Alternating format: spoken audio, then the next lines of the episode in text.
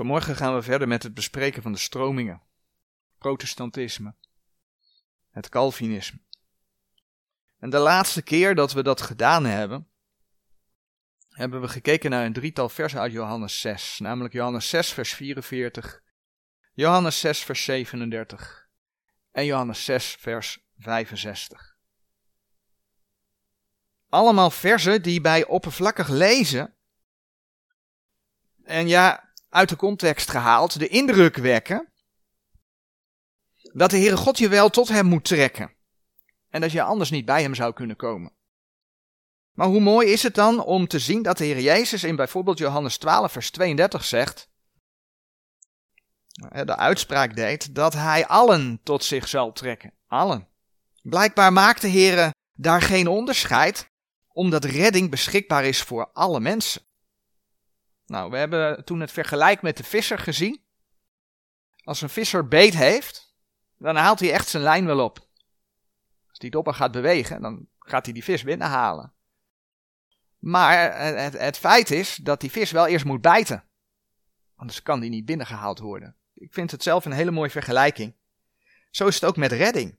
De Heere redt een ieder die gelooft in de Heer Jezus. Dus zodra iemand met zijn hart gelooft, met zijn mond beleidt, dan trekt de Heere diegene. Dan redt de Heere diegene.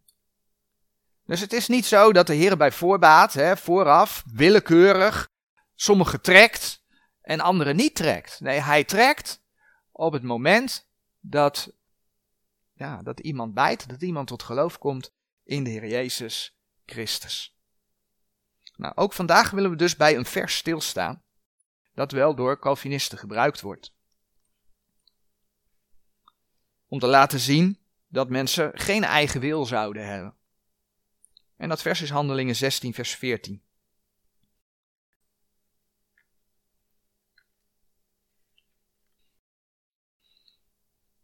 In Handelingen 16, vers 14 lezen we: En een zekere vrouw met name Lydia, een purperverkoopster van de stad Thyatira, die God diende, hoorde ons, welker hart de Heere heeft geopend, dat zij acht nam op hetgeen van Paulus gesproken werd. Nou, dit vers Staande in de context, handelingen 16, vers 12 tot en met 15, daar lees je dat Paulus in Filippi was.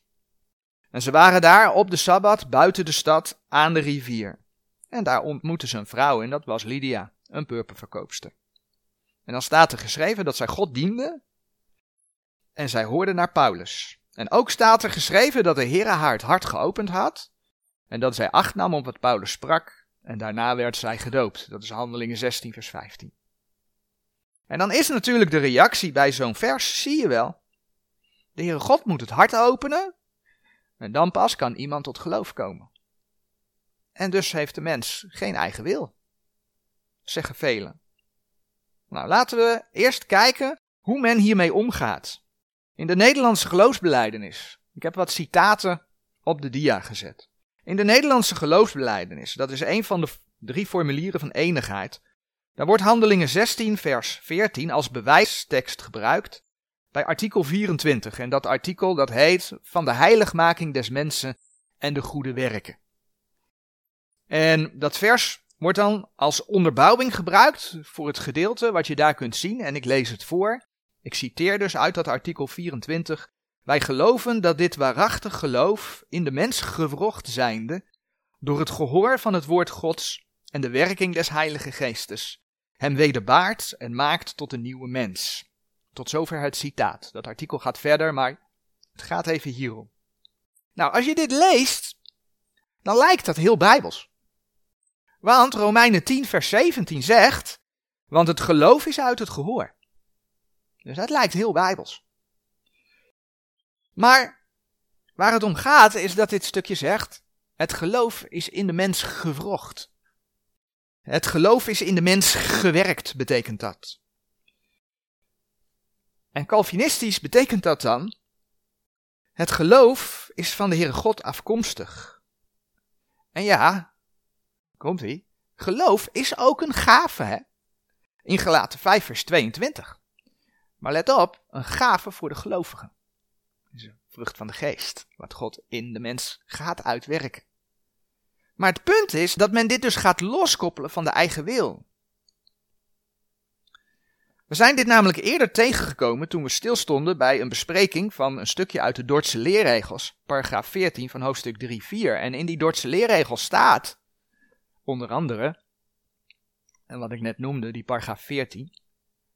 Zo is dan het geloof een gave Gods, niet omdat het aan de vrije wil des mensen van God wordt aangeboden, maar omdat het de mens met de daad wordt medegedeeld, ingegeven en ingestort.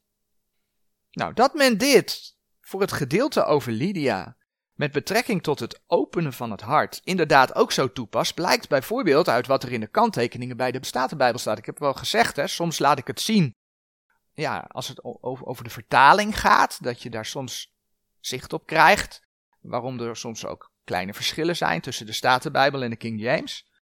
Maar je moet heel erg oppassen, omdat het heel erg Calvinistisch is, die kanttekeningen. Nou, dat zie je ook in wat er dus geschreven staat bij Handelingen 16, vers 14, bij het zinsdeel uit die tekst, welke hart de Heer heeft geopend. Daar staat namelijk in de kanttekeningen, namelijk door de kracht zijns heilige geestes haar verstand verlichtende en haar wil neigende, tot gehoorzaamheid des geloofs. Lydia zou klaarblijkelijk geen eigen wil hebben, want de Heere neigde haar wil tot gehoorzaamheid des geloofs. En daar zie je dus terug in wat in de Dordtse leerregel staat, dat men het geloof medegedeeld, ingegeven en ingestort krijgt. Met andere woorden, de mens heeft geen vrije wil, God kiest wie hij het geloof geeft. En de ander heeft pech gehad. Dat is wat Calvinisten leren. Bij oppervlakkig lezen van de tekst ja, kun je dat inderdaad zo lezen, maar klopt dat ook? Klopt dat ook? Nou, we hebben gezien dat de Heere God in zijn woord op diverse plaatsen spreekt over vrijwillig. Je komt dat al in het Oude Testament tegen. Ik heb toen voorbeelden genoemd, onder andere Exodus 35, vers 6. Gaan we nu niet opzoeken. Verder spreekt de Heer over het aannemen van het evangelie. Ja, 1 Timotheüs 1 vers 15 is een voorbeeld. En ook laat de Heer zien dat je als mens Gods woorden kunt verwerpen. Dat kom je tegen in Matthäus 23 vers 37, Handelingen 7 vers 51. Dat zijn allemaal dingen waar we in de serie al bij stilgestaan hebben.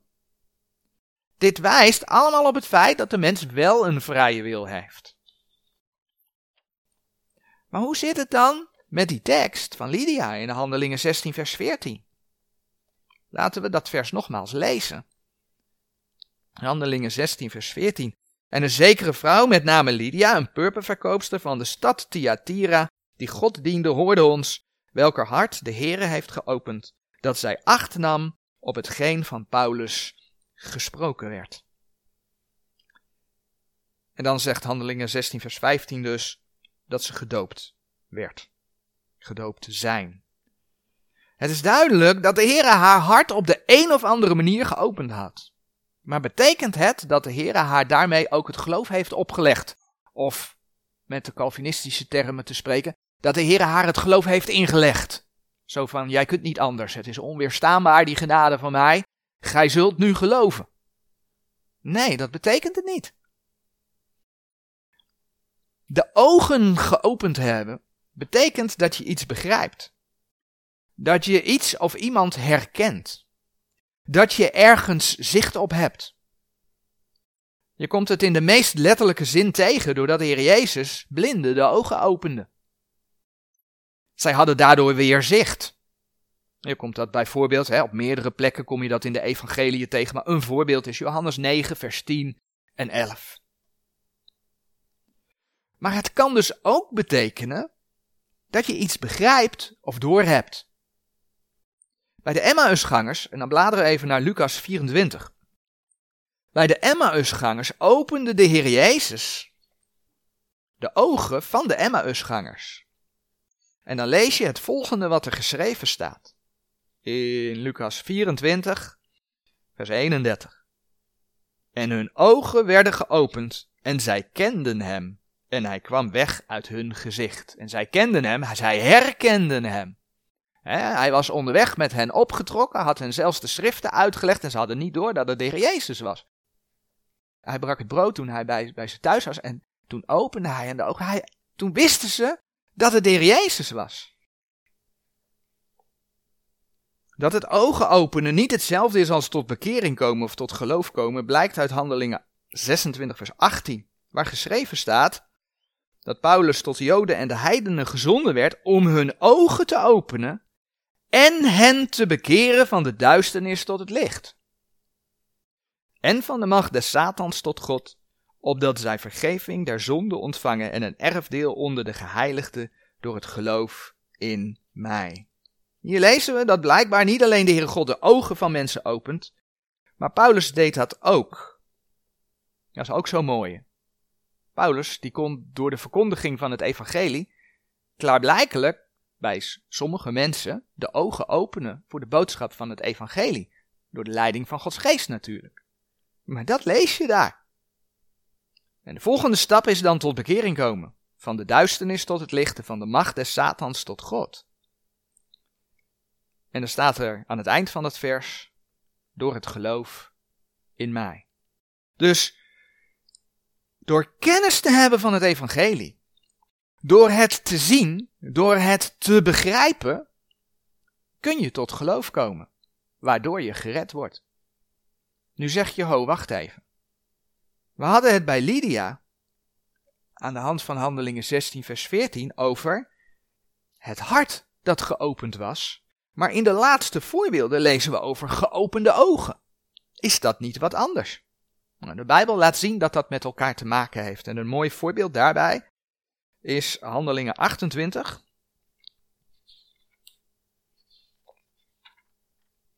Vers 27.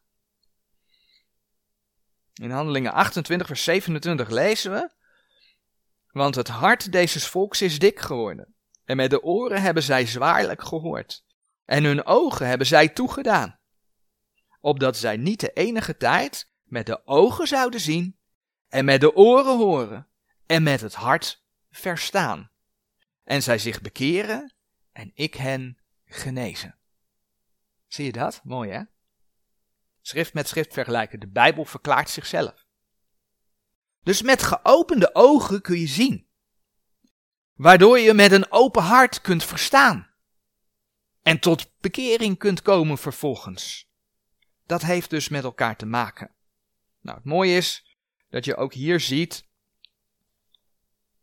dat geopende ogen of een geopend hart nog niet betekent dat je ook tot geloof komt. Dat kan het vervolg zijn.